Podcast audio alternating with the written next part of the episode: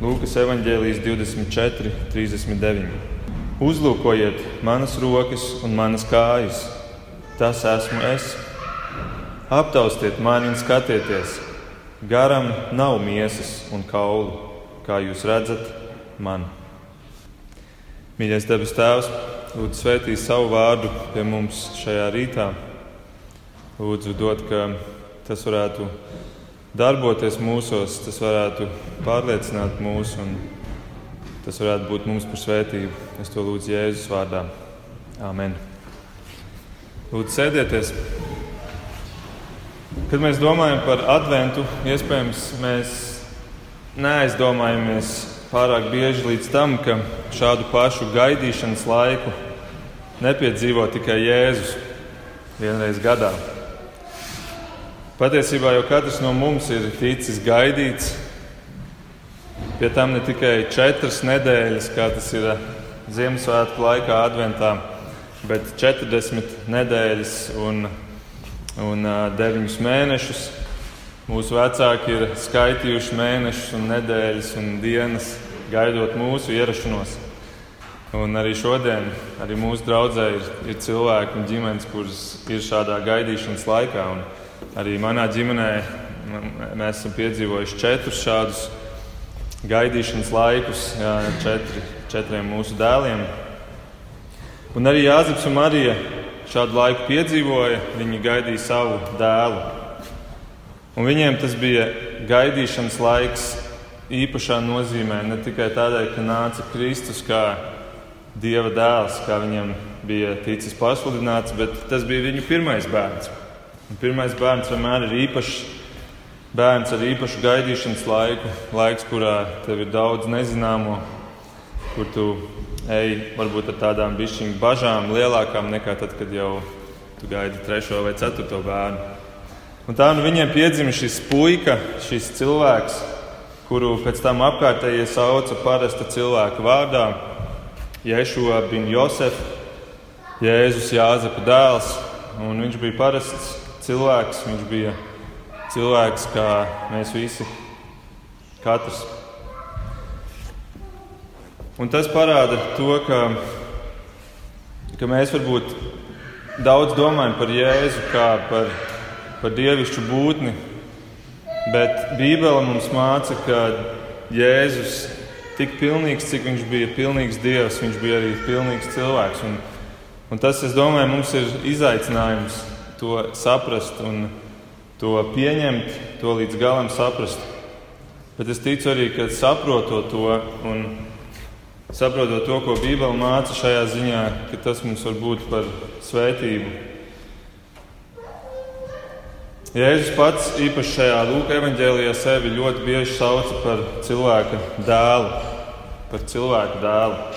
Piemēram, Jāņa evanģēlijā, par kuru mēs domāsim nākamā nedēļa, viņš sevi daudz vairāk sauc par dieva dēlu, jeb liek šo uzsvaru uz to dievišķo pusi.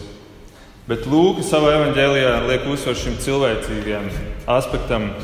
Un, kā jūs varbūt zināt, Lūks pats bija ārsts, viņš bija mediķis, viņš bija, kā mēs varam izsākt arī no Bībeles, Pāvila ceļa biedrs, privātais ārsts. Un viņš bija cilvēks, kuram, kuru iespējams ļoti fascinēja šī cilvēka, cilvēka anatomiskā uzbūve. Līdz ar to viņam likās interesanti pētīt vairāk un likt to uzsvaru uz šo Jēzus cilvēcisko pusi. Viņš, protams, nebūtu nenoliedza Jēzus dievišķo daļu, dievišķo identitāti, bet viņš lika uzsvaru uz Jēzu kā cilvēku. Un tā nu mēs, piemēram, Lūkas evanģēlijas sākumā, trešajā nodaļā, atrodam Jēzus ciltsrakstus. Iespējams, varbūt jums lasot cauri evaņģēliem, um, var rasties tā sajūta, ka mēs sākam Mateja evaņģēliju, un tur ir cilts raksts, un tad mēs trīs evaņģēlijas vēlāk nonākam pie Lūka evaņģēlija. Un tur mēs atkal atrodam cilts rakstus, un varbūt pat ir doma, o, oh, vēlreiz cilts raksti, tad jau es varu pārliekt pāri. Bet tie, kuri tā domā, tiem tomēr ir jāpiedzīvo vilšanās, jo šie cilts raksti nesakrīt ar tiem, kuri bija Mateja evaņģēlijā. Kā tas var būt? vai tad Jēzum būtu mainījušies senči, vai, vai, vai, vai Matejs runāja par kaut kādiem vienu daļu, un Lūka runāja par kādu izlaistu citu, citu senču daļu. Nebūtu nē, vienkārši lieta tāda, ka Matejs izceļ Jēzus juridisko aspektu. Tāpēc viņš runā par tēva Jāzepa ciltsrakstiem. Savukārt šeit Lūka runā par mīsīgo Jēzus aspektu. Un viņš runā par mātes, Marijas, mātes asins radinieces Marijas līniju. Mēs varētu teikt, arī kad mēs paskatāmies uz tiem ciltsrakstiem, ka Mateja evanģēlijā šie ciltsraksti sākās ar Ābrahāmu un iet uz priekšu līdz Jēzum.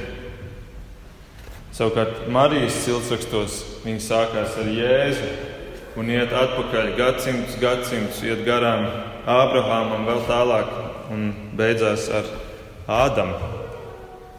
Ābrahams ir pirmais Izraēla tēvs, viņš ir tas tiesiskais, tas juridiskais iesācējs, uzsācējs Izraēla valstī. Un tādēļ Mateja evanģēlijā, kur ir runa par Jēzu kā ķēniņu, tiek izcelts šis juridiskais aspekts. Bet šeit Ādams ir pirmais cilvēks, tēvs. Un, un Lūka šajā ciltsrakstu daļā izceļ, ka Lūk, Jēzus ir savienots ar, ar pirmo cilvēku, Ādamu. Un tā nu Lūka savā evanģēlijā no paša sākuma līdz pat beigām, līdz šodienas tekstam, kuru mēs lasījām ievadā, pamato šo apgalvojumu, ka Jēzus ir cilvēks. Jēzus ir cilvēks. Un es vēlos šajā rītā aplūkot trīs iemeslus, kādēļ Jēzum bija jākļūst par cilvēku. Trīs iemeslus, kādēļ Jēzum bija jākļūst par cilvēku un kādēļ tas mums šodien ir būtiski. Un tad beigās mēs apskatīsim vēl vienu jautājumu, proti, vai Jēzus joprojām ir cilvēks šodien, šobrīd. Tātad trīs iemesli, kādēļ Jēzus, Jēzum bija jākļūst par cilvēku. Pirmais iemesls ir taisnības dēļ. Taisnības dēļ. Varbūt tas nosaukums vēl neko daudz neizsaka, bet tad, kad mēs būsim izrunājuši, es ceru, ka šis vārds taisnība būs vārds ar, ar lielāku svaru. Un, un pirmā, šis pirmais iemesls būs visgarākais, tā kā neuztraucieties, tad, kad mēs būsim to pabeiguši. Tie nākamie divi būs īsāki. Ir daudz cilvēku, kuri netic, ka Jēzus ir Dievs tikai tādēļ vien, ka Jēzus, ka, Jēzus bija cilvēks. Citiem vārdiem sakot, ja tā doma, ka dievam iekāpt šajā ar lāstu nosodītajā, kritušajā miesā, šajā cilvēka miesas mētelī, ir tik nepieņemama, ka viņi noraida tādēļ vienu domu, ka Jēzus bija Dievs. Un teoloģijā ir pat nosaukums šiem uzskatiem piemēram, uzskatām, ka Jēzus bija dievs, bet ne cilvēks, ir nosaukums docētisms. Savukārt pretējais variants, kad Jēzus bija cilvēks, jā, bet ne dievs, to sauc par ebionismu.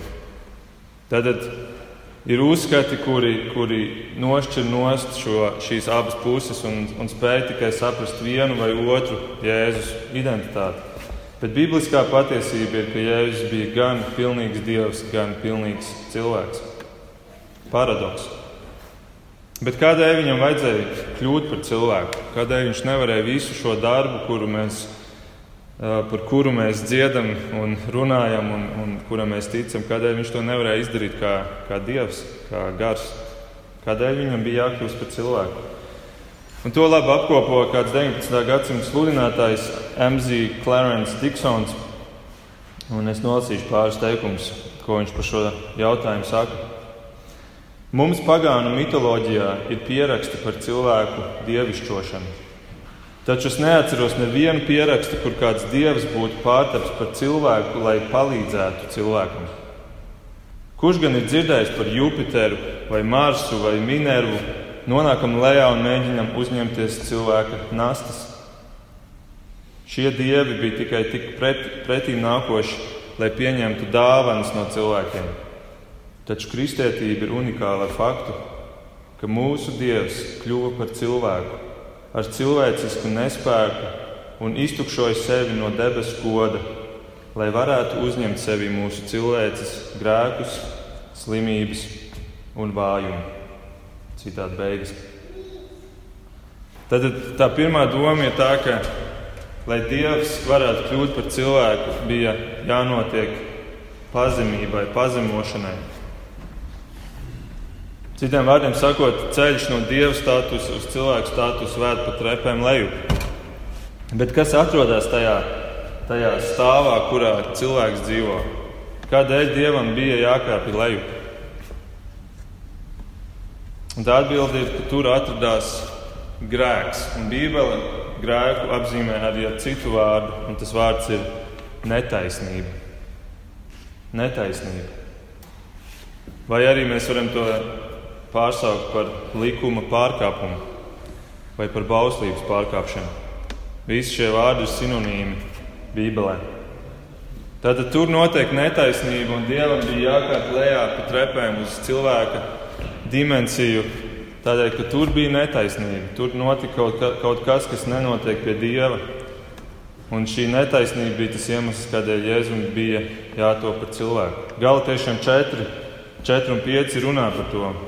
Bet, kad pienāca laika beigas, Dievs sūtīja savu dēlu, kas piedzima no sievietes, piedzima pakļauts bauslībai, lai izpirktu tos, kas pakļauti bauslībai, un lai mēs tiktu pieņemti par Dieva dēliem.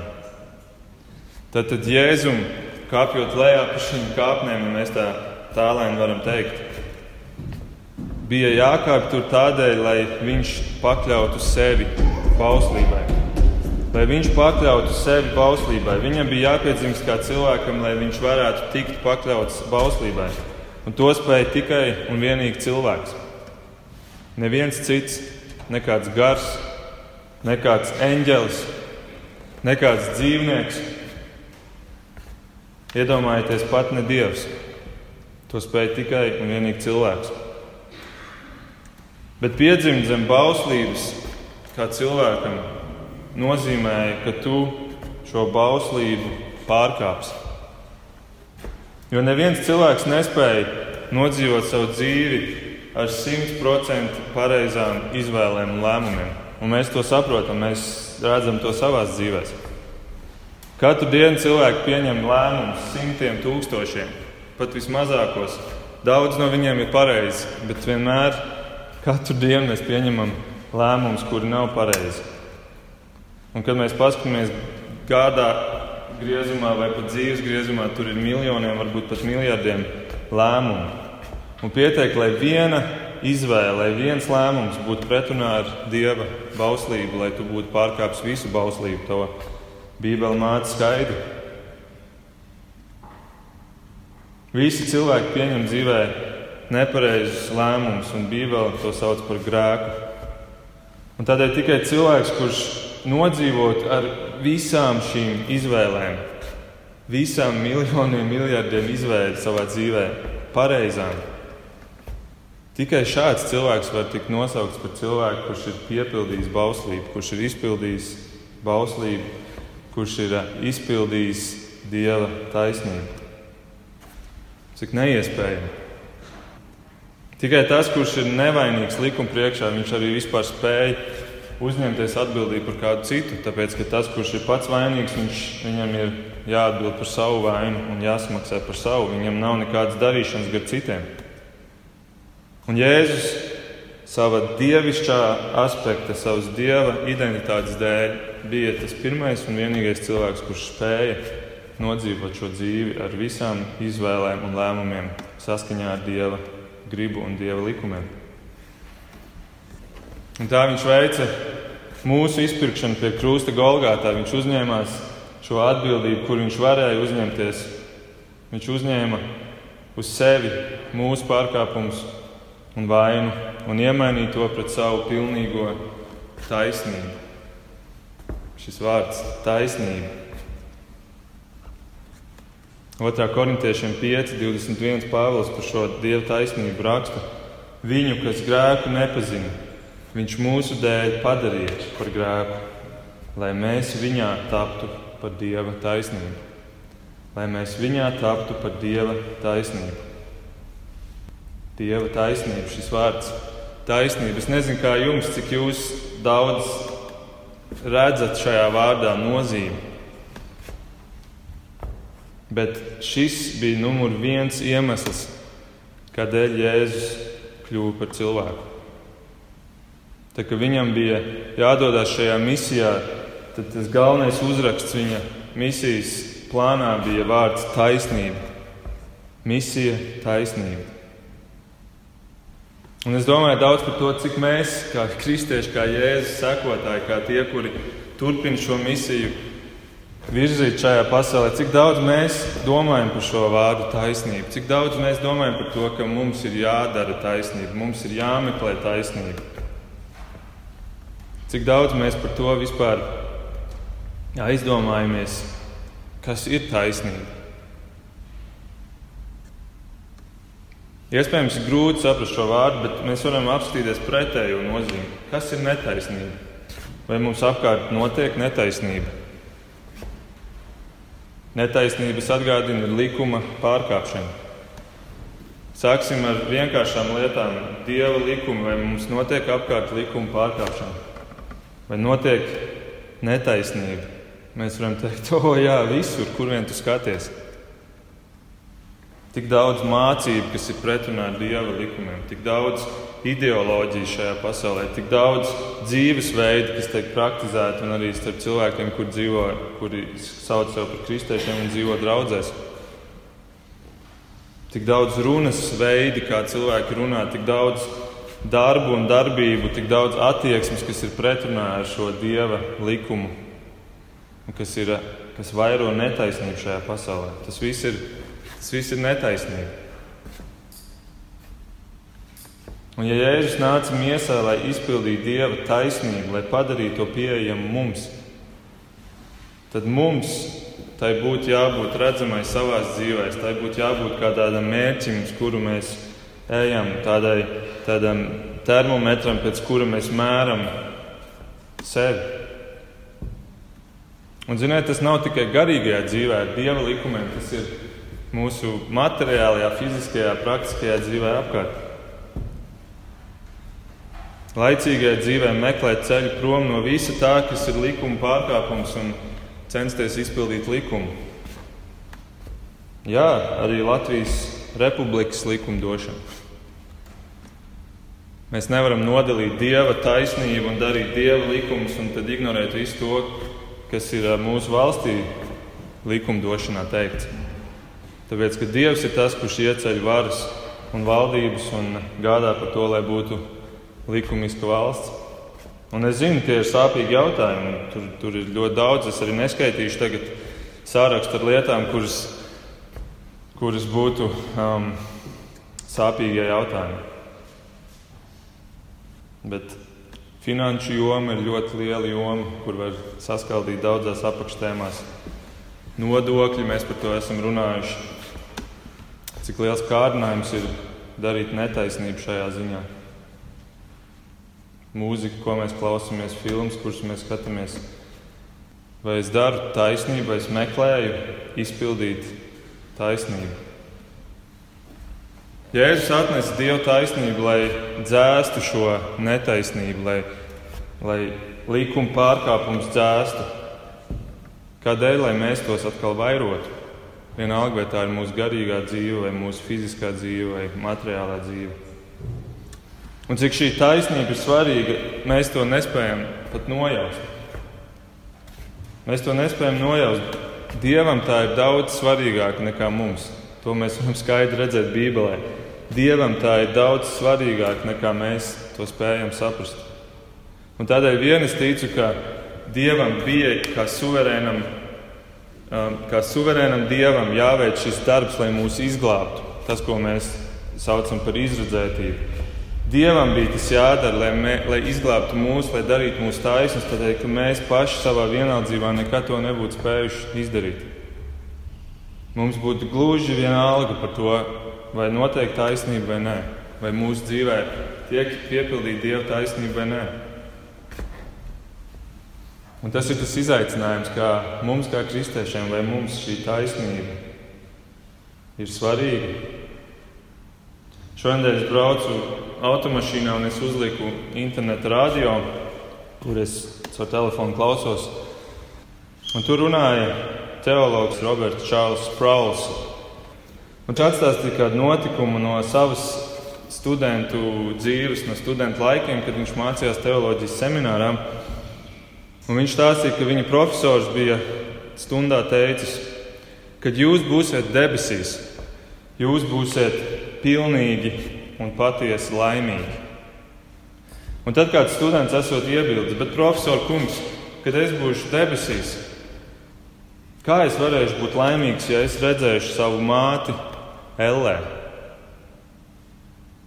Uz ko profesors atbildējis, ka tu būsi debesīs un ka tu redzēsi savu māti Ellē. Tu par to būsi priecīgs.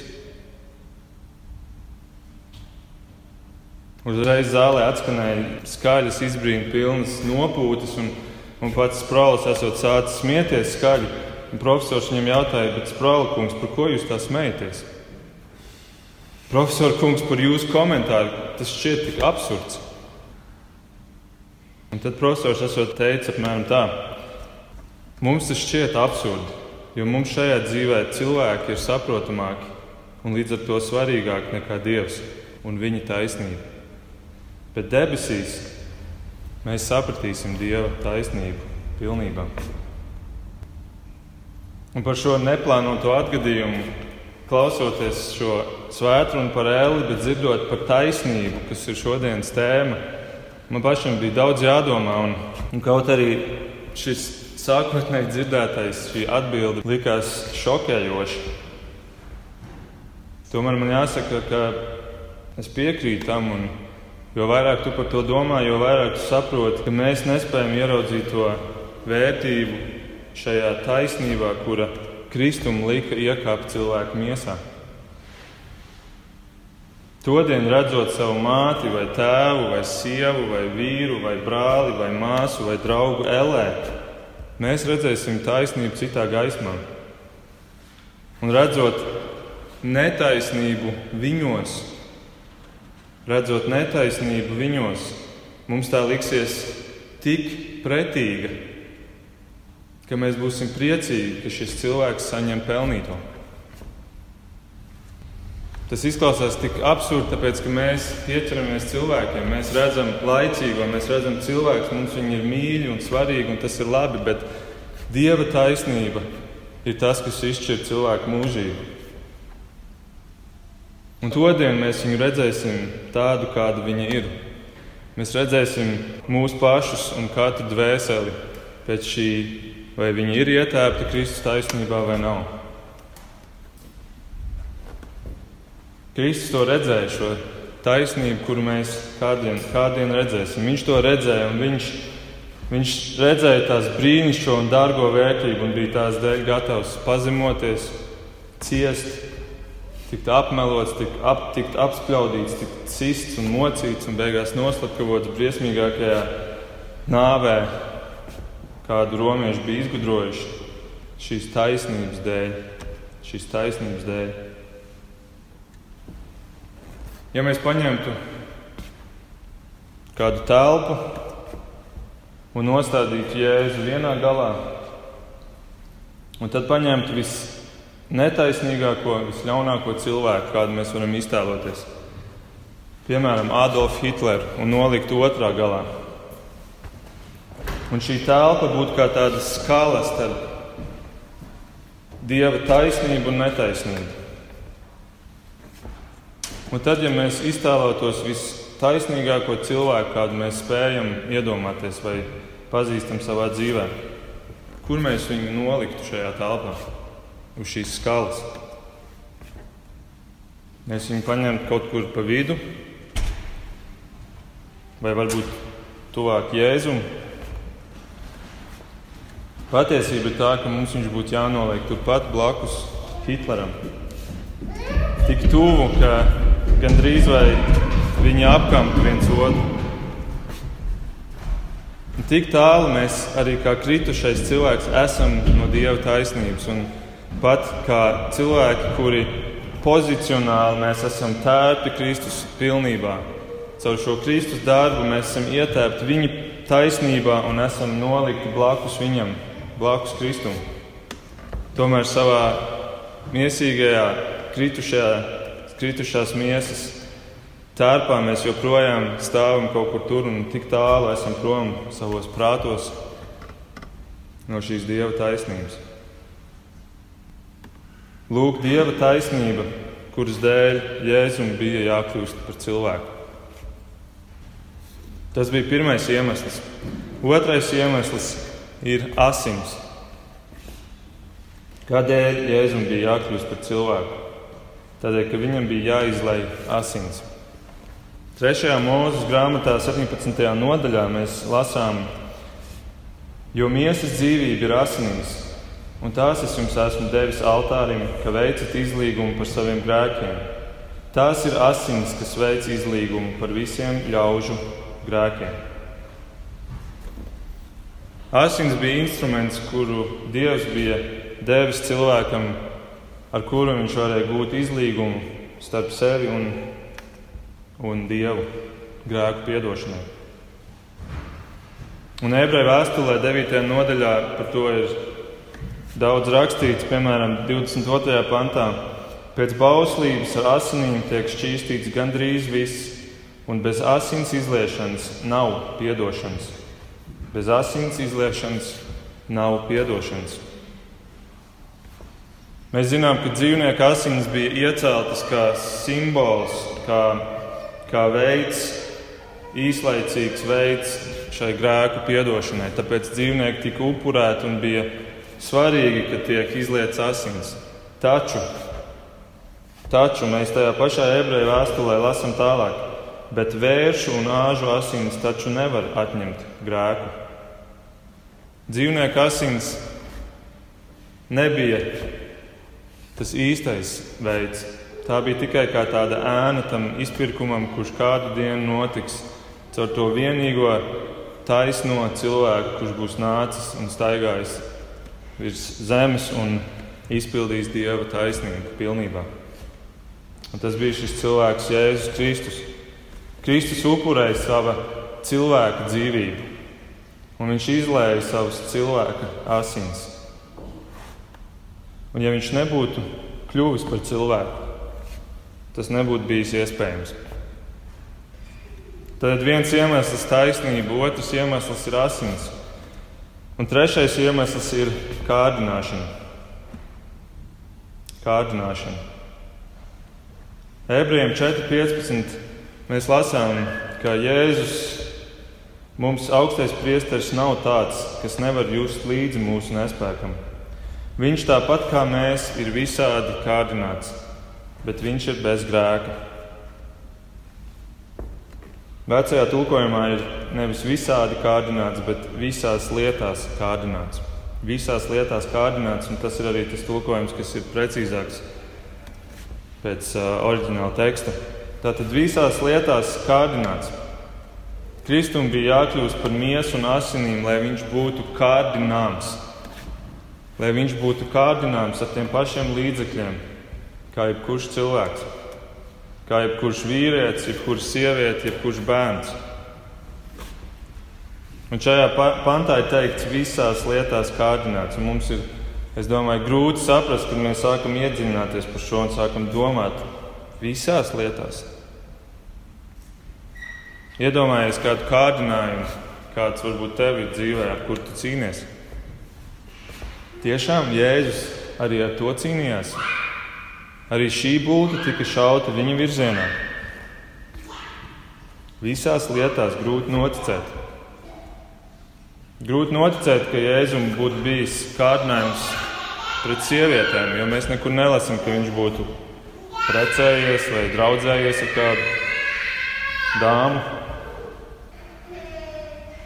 Bet, ja mēs lasām visās lietās, tad mēs varam būt droši, ka viņš ka Sātans arī šajā ziņā mēģināja kaut ko darīt šajā virzienā. Pret slinkumu varbūt.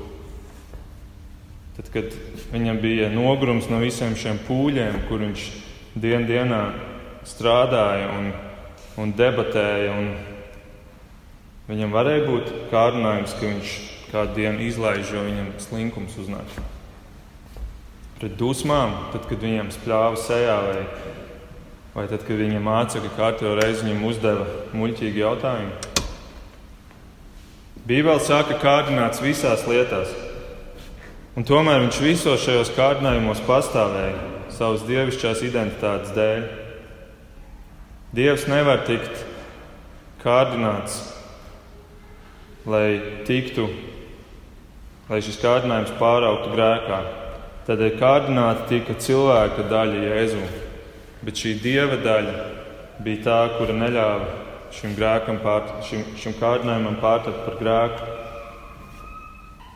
Viņš ar savām basām kājām, simboliski runājot, gāja cauri dubļu bedrai, bet, tad, kad viņš iznāca ārā, viņa kājas bija perfekti tīras.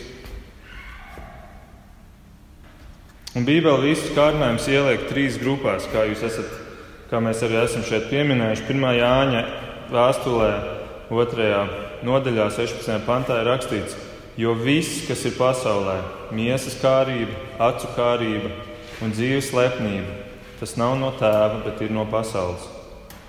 Tātad Sātans visus cilvēkus, gan Jēzu, gan arī jebkuru no jums un mums,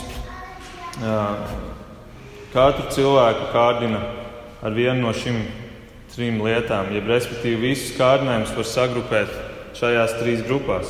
Miesas kārība ir tas, kur tavs kārdinājums ir pret tavu miesu.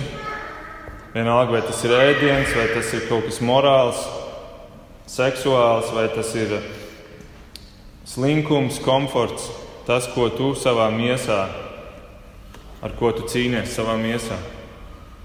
Acu kārība ir tas, kur tu skaties to, kas nav vairs tava miesa, tava teritorija, bet kas ir otram, un tu to iekāro sev. Un trešais dzīves lepnība ir tas, kas tu gribi viņiem skatoties uz tevi būt, kas tu gribi būt citu acīs. Un tā sātens visus kārdina. Tūkstnesī viņš kārdināja Jēzu. Jūs atceraties ar, ar šo akmens pārveidošanu par maizi, tad, kad Jēzus bija izsalcis. Tā bija miesas kārība. Tad viņš parādīja visu pasauli un teica, tas var būt tavs. Tā ir acu kārība. Un tad viņš viņu aizved uz templi un piedāvāja lekt no jumta lejā, kas šķiet absurdi. Bet tad, kad papēta jūdu tradīcijas, tad jūdi gaidīja mesiju, ka viņu e, eņģeļi nonesīs tempļa pagalmā uz rokām. Un tādēļ Sātans viņu kārdina, ej un dari to, un visi uzskatīs, ka tu esi mesija. Tu būsi viņu acīs tas, kur viņi gaida. Bet Jēzus pastāvēja šajās kārdināšanās. Un tā sātana metode nedarbojās pie Jēzus, kaut gan Gadu tūkstošiem atpakaļ tā pati metode bija nostrādājusi ēdienas dārzā. Ēdienas dārzā Sātans čūska pielietoja šo pašu metodi, lai kārdinātu cilvēku. Pirmā mūža grāmatā, 3. nodaļā, 6. pantā ir rakstīts, un sieva redzēja, ka tas koks ir labs, lai ēstu miesas kārību, un ka ir tīkams acīm, acu kārība un kārojams prātam. Un viņi ņēma tā auglu un ēda un deva arī savam vīram, kas bija kopā ar viņu, un viņš ēda. Sātens kārdināja ievu un viņa krita. Bet, ziniet, teoloģijā viens no visvairāk debatētiem jautājumiem, jautājumiem ir, kādēļ Ādams grēkoja? Kādēļ Ādams krita? Vai čūskas dēļ,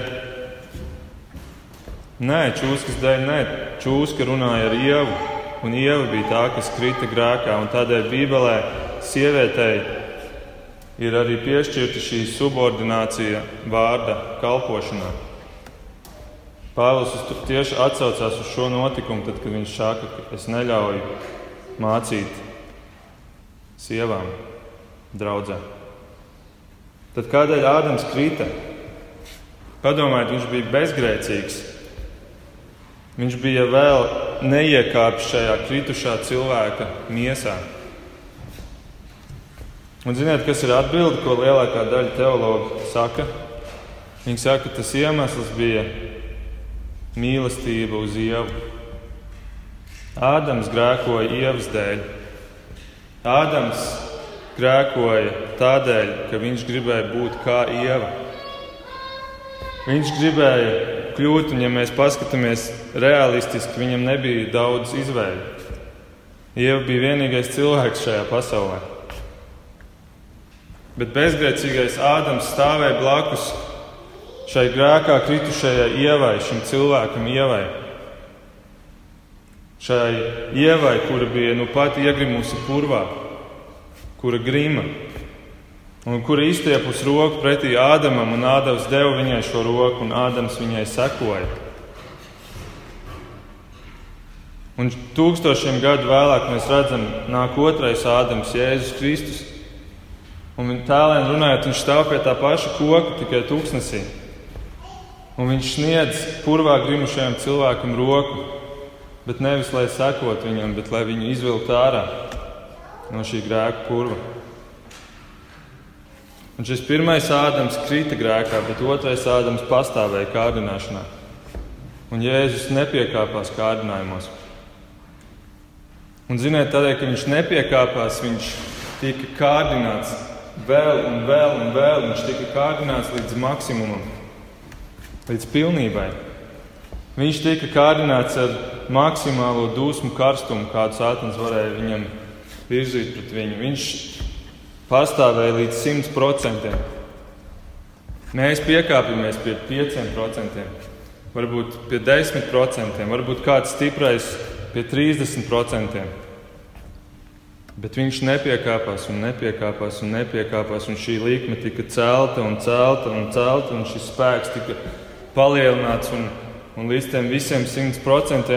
Tas ir kā kāds viņam nāzi durtu durtu mugurā desmitiem reižu, un, un viņš tomēr stāv un nemirst, un viņš iztur šo uzbrukumu. Vīrs, kurš pazina sāpes. Un tā ir, ka viņš izturēja līdz 100%. Mēs varam būt droši, ka viņš bija tur, kur mēs esam šodien. Vienalga, kas ir tie kārdinājumi, kuros, kuriem mēs cīnāmies, vienalga, pie kura procentu punkta mēs esam, Viņš tur bija, viņš tam ir izgājis cauri. Un tādēļ viņš spēja tev kalpot arī šodien. Viņš tev spēja dot spēku un iestāties, lai viņa dotā taisnība paliktu tevī. Un viņš to dara mīlestībā uz tevi. Un viņš to dara tādēļ, ka viņš ir ieguldījis savu taisnību tevī. Un viņš to Viņš rīkosies, lai tu to nepazaudētu pat tad, kad tu krīti. Un tas mūs aizved pie pēdējā jautājuma. Vai Jēzus joprojām ir cilvēks? Mēs zinām, Jēzus joprojām ir ķēniņš, ķēniņš, par ko Matejs runāja. Mēs zinām, viņš joprojām ir kalps. Ebreju vēstulē teica, ka viņš joprojām iestājās par mums katru dienu. Bet vai viņš joprojām ir cilvēks? Vai tam ir vispār nozīme kāda? Vai viņš varbūt tomēr tagad ir tikai dievs, tikai gars, jo dievs ir gars? Un Lūka ar šo jautājumu nodarbojās, noslēdzot šo savu evaņģēliju. Un es aicinu jums vēlreiz izlasīt šodienas tekstu, šo 39. pantu. Viņš saka, un šis ir pēc Jēzus augšām celšanās. Uzlūkojiet manas rokas un manas kājas. Tas esmu es. Aptaustiet mani un skatieties. Garam nav miesas un kaulu, kā jūs redzat mani. Jēzus atbild uz šo jautājumu, un viņš saka, pēc augšām celšanās es joprojām esmu miesa. Jā, pārveidota miesa, bet es esmu miesa. Es joprojām esmu cilvēks. Es neesmu tas, kurš ir atnācis izpildījis savu darbu, un tagad es tinos prom atpakaļ uz savu silto vietu debesīs, kā Dievs un vienīgi Dievs. Un tas ir tas, ko šie mācekļi, kuriem pēc tam bija jāiet un jādara šī ne, ne, mums nesaprotami smagā misija, nes šo evaņģēliju tajos apstākļos, kas bija tik naidīgi pret viņiem. Bet viņiem cerību deva tas, ka viņi pēdējo jēzu, kādu viņi bija redzējuši, viņi bija redzējuši šādu. Un mēs lasījām šajā debesu braukšanas notikumā, kad viņš šāds tiek pacelts debesīs un aiziet. Viņš šāds aiziet. Un par šo pašu notikumu apstur darbos viens pēdējais pants, 11. 11. pants, bet pēdējais pants, ko es šodien vēlos jums nolasīt. Tad, kad notiek šī debesu braukšana, tad šiem mācekļiem blakus nostājās divi vīri, divi eņģeļi. Un viņi saka, Galilejieši, ko jūs stāvat skatīdamies debesīs? Šis Jēzus, kas ir uzņemts debesīs prom no jums, tāpat nāks, kā jūs redzējāt viņu debesīs aizēm. Jēzum bija jākļūst par cilvēku, lai atnestu dieva taisnību cilvēkam. Un viņam bija jāizlai asins, lai tiktu piedot grēki. Un viņam bija jātiek kārdinātam, lai viņš pastāvētu un kļūtu par to augsto priesteri, kurš joprojām šodien ir debesīs, joprojām tāds, kādi mēs esam, joprojām mums pieejams un joprojām viņš kalpo. Lūksim Dievu! Mīļais debes Tēvs, paldies par Tavu dēlu, Jēzu. Paldies, ka Tu biji gatavs viņu dot mums. Un paldies, ka Tu atnesi taisnību virs zemes. Paldies, Kungs, ka kaut arī joprojām notiek tik daudz netaisnību šajā pasaulē. Paldies, ka tomēr ir kādi cilvēki, kādi vīri un sievas, kuros Tu esi līdz šo taisnību un ka viņiem ir šis spēks dots, lai viņi varētu darīt taisnību. Palīdz, ka mēs to varētu darīt, Kungs. Paldies, Jēzu, ka tu biji un esi cilvēks tāds, kā mēs esam, ka tu joprojām esi mūsu augstais priesteris un ka tu esi mums pieejams. Paldies, ka tu kalpo mums. Lai tev ir gods un slāva un pateicība. Amen.